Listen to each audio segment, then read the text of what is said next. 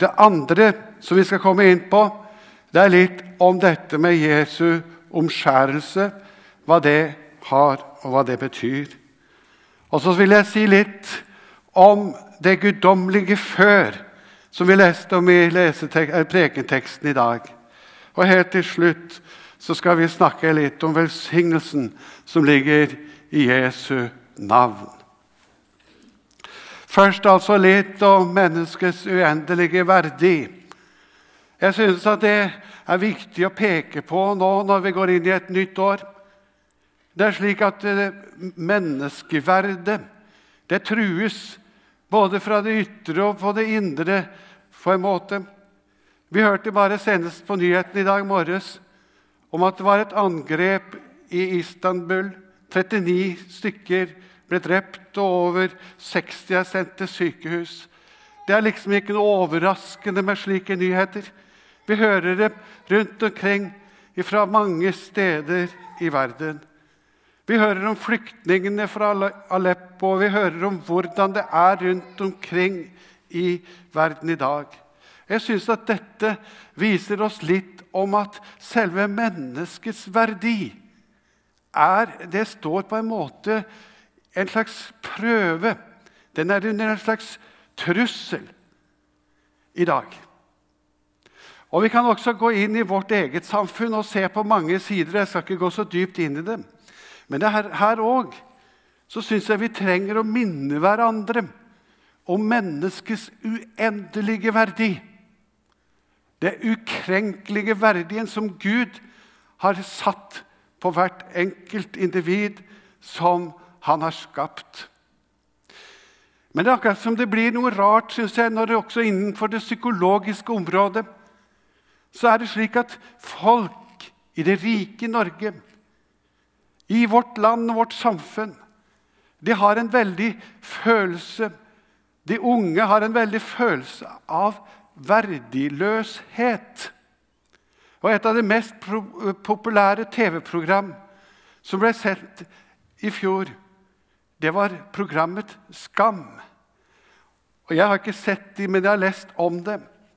Og jeg har lest også at der er det 'Hvordan kan noen elske meg?' Som, ikke, som ser slik ut, eller som er på denne måten. Vi er nødt til, mer enn noen gang, å løfte fram at mennesket har en ukrenkelig og uendelig verdig.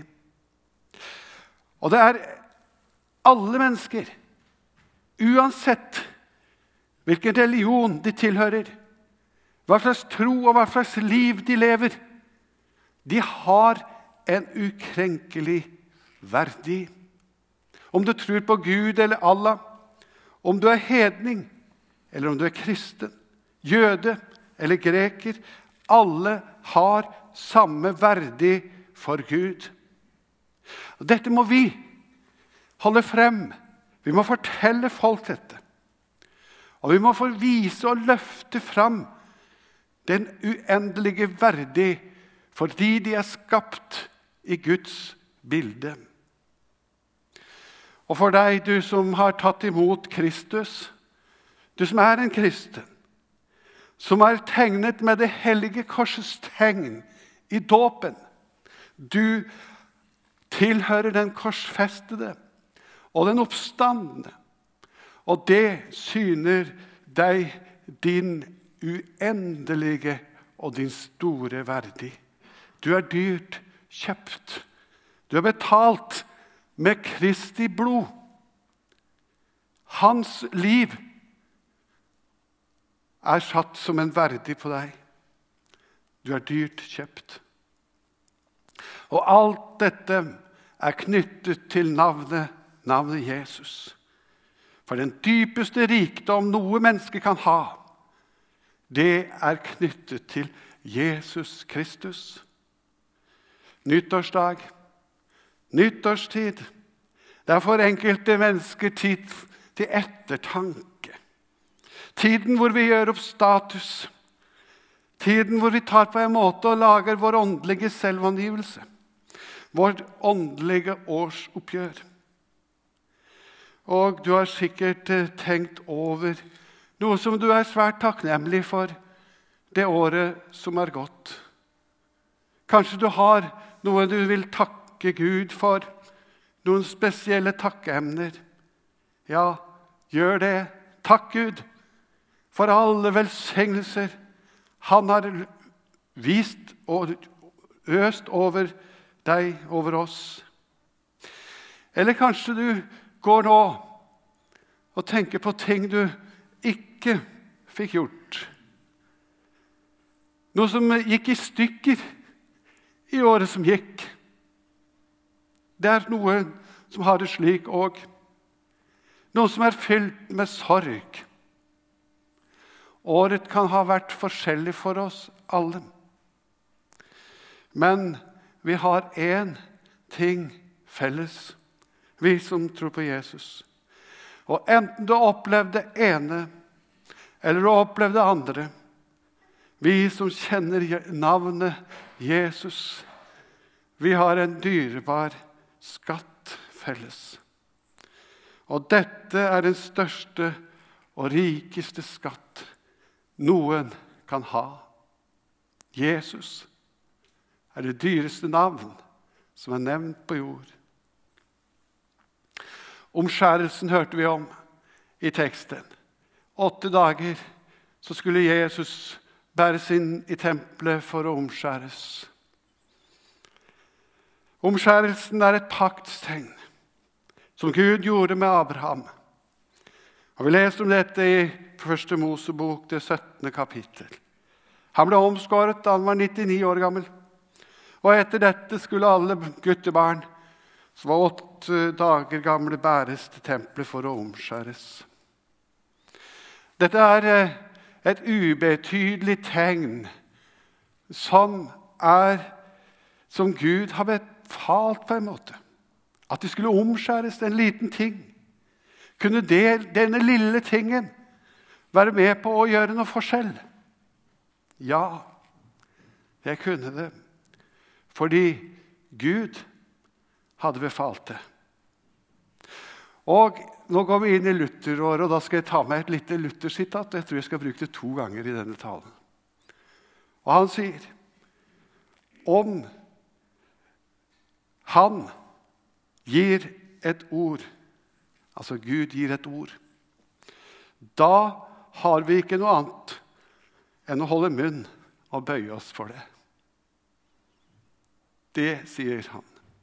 Om Gud sier noe, ja, da har vi ikke noe annet å gjøre enn å tie stille og bøye oss for det. Tro på Hans ord slik som Han har sagt. Det er vår oppgave å bøye oss for Guds ord. Slik var det altså med omskjærelsen, denne lille tingen. Og slik er det òg med dåpen. Hvem kan tro at en etter Kristi befaling enten blir dyppet ned i vann eller overøst med vann, kan bli vasket ren for synden? Hvem kan tro noe slikt? sier Luther. Jo, det er jo fordi Guds ord gjelder. Det er Guds ord som handler. Hadde synden bare vært utvortes, sier han, så du kunne vaske den ren med vann, ja, da, da hadde det vært eh, noe mening i det. Men synden den er ikke på utsida. Synden den ligger inni hjertet. Og uansett hvor mye vann du har i dåpen, så når det ikke inn til hjertet. Det er bare troen, Guds ord, som får tak i hjertet. Derfor så gjelder det også i dåpen, sier han. Når Gud befaler noe, er det bare å holde munn og falle ned på kne og tro det han befaler. Det er altså en likhet mellom dåpen og omskjærelsen. Ubegripelig, menneskelig sett, begge deler. Men vi gjør det fordi Gud har befalt det. Guds råd, Guds ord, det er ubegripelig for oss mennesker. Men la oss se litt mer på dette med omskjærelsen. Jesus ble altså omskåret. Han hadde ikke behov for det. På samme måte som han ikke hadde behov for å bli døpt. Han var syndfri. Han er Gud. Han er herre over loven. Det er vi som er underlagt loven, ikke han. Men her ble han altså omskåret. Og det var noe mer enn en tradisjon. Det er et vitnesbyrde, et sterkt vitnesbyrd om at Jesus han går inn under loven. Under alle Guds krav som Gud stiller til menneskene. Og på denne måten så, så gjorde han Så ble han en av oss. Han gjorde det fordi han ville oppfylle alle lovens krav inntil den minste bokstav. Og det gjorde han altså i ditt og mitt sted. Som det står i Galaterbrevet 4.: Men i tidens fylde sendte Gud sin sønn, født av en kvinne, født under loven. Han skulle kjøpe fri dem som sto under loven, så vi kunne få retten til å bli Guds barn.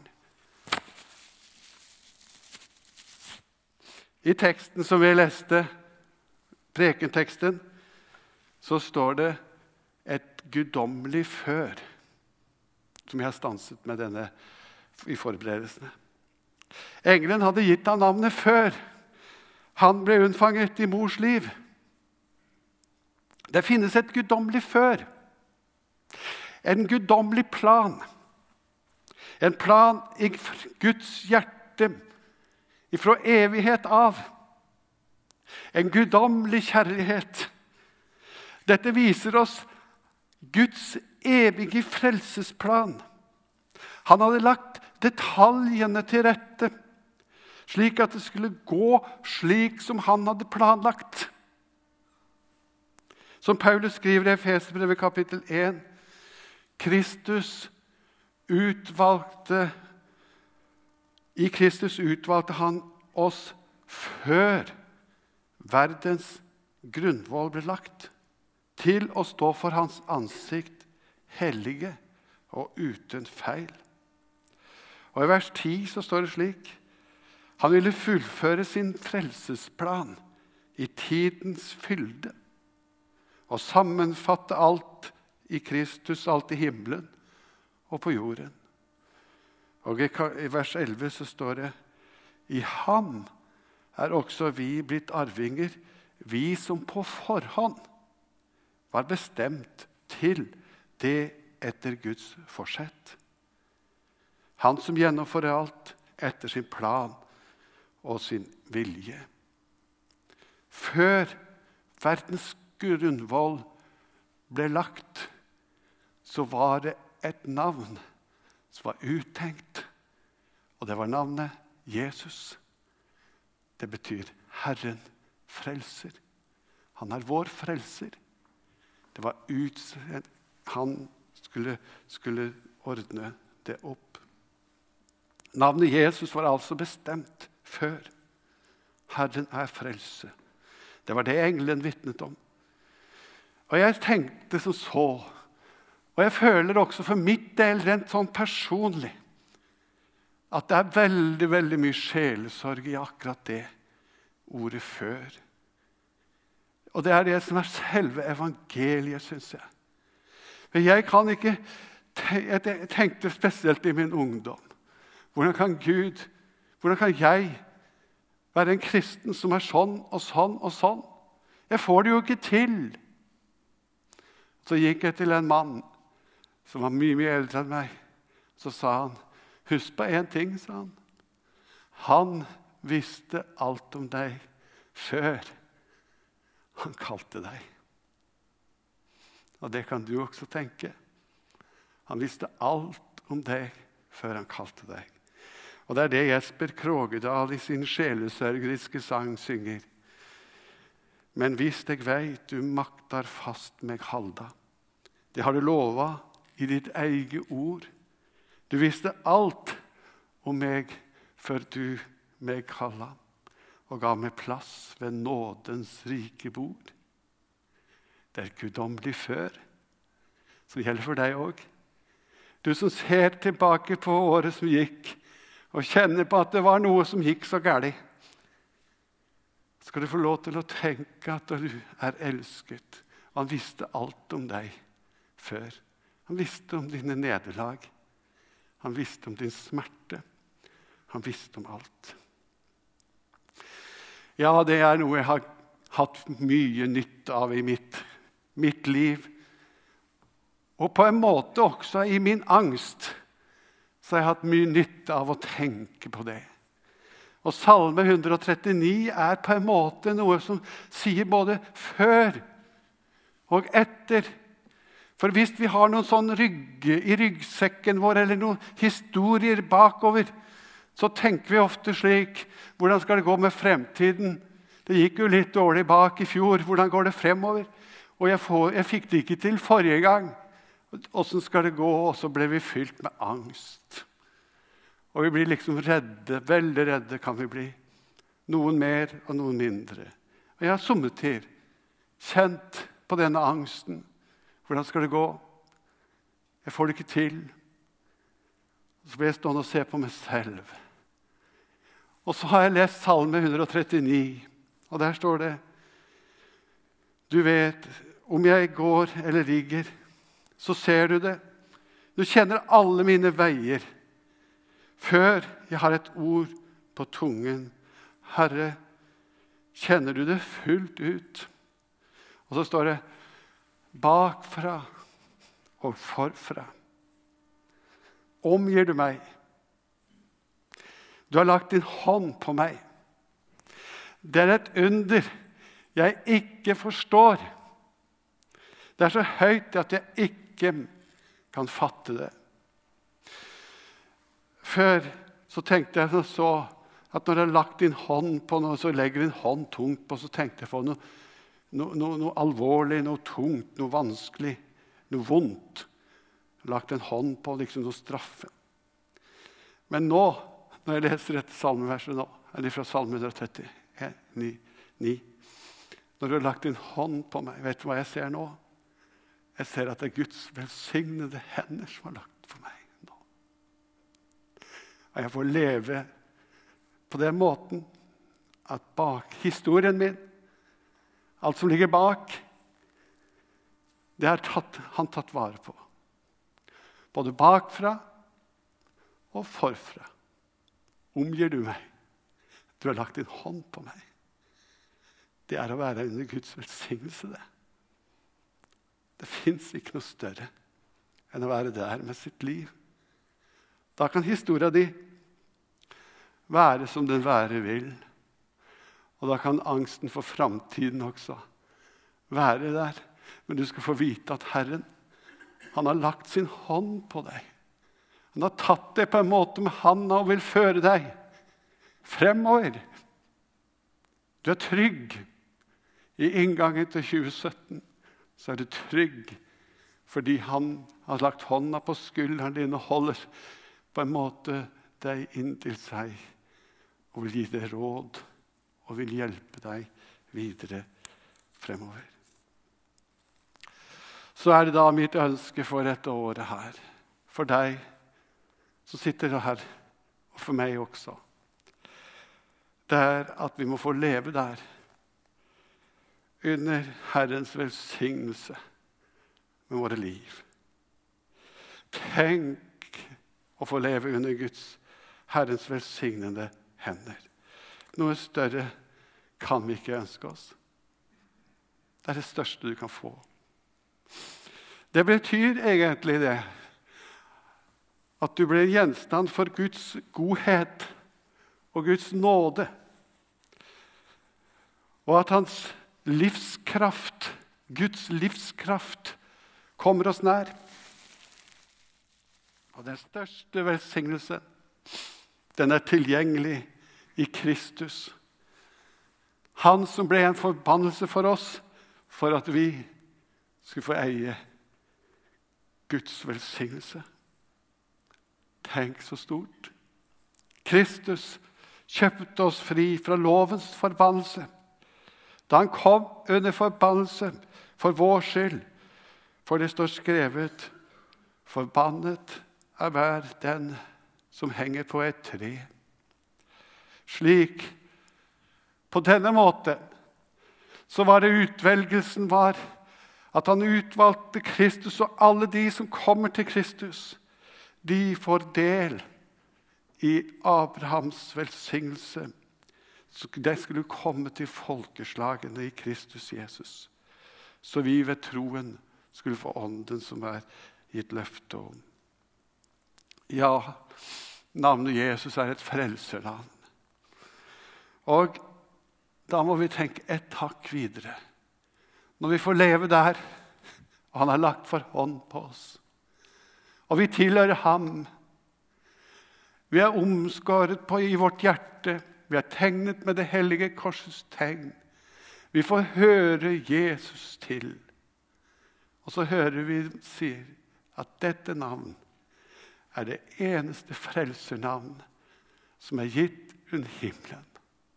Det finnes intet annet navn men noen kan bli frelst. Som Peter sier i Apostelens gjerninger. Han sier steinen som ble vraket av dere bygningsmann, er blitt en hjørnestein. Det fins ikke frelse i noe annet, for under himmelen er det ikke gitt mennesker noe annet navn, så vi kan bli frelst ved. Kun ett navn er frelsernavnet Jesus.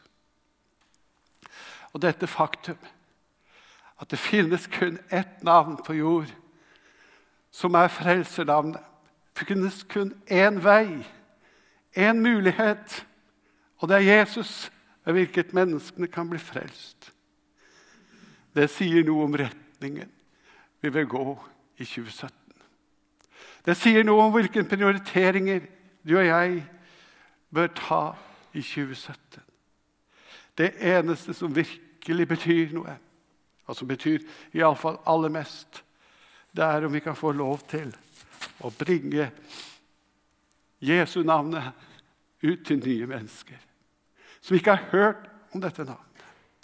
Slik at Abrahams velsignelse kan komme over nye mennesker, nye folkeslag. Det er misjon. Det er det viktigste vi kan drive med. Og det er det vi skal prioritere fremover. At det viktigste er at Jesu navn blir kjent ut over jorden. Du er vel med i misjonens store sak. Slik at folk Tenk, de som aldri har hørt om Jesus, og så får bli kjent med dette frelsernavnet og tar imot det og blir døpt og blir knyttet til Kristus. Det kan ikke være noe større å få være med på. Og velsignet er du som har liksom fått den retningen på livet. Og jeg vet at det, det som er her, har hatt den retningen i mange år. Og noen av dere eldre har hatt det helt ifra deres ungdom. Og da skal du vite at du har vært med i verdens største og viktigste arbeid. Å spre Guds velsignelse ifra ditt liv og videre utover. Det står om Abraham at da Gud velsignet ham, så vil han også gjøre ham til en velsignelse. Og det er også et ønske at vi blir til velsignelse videre. Amen.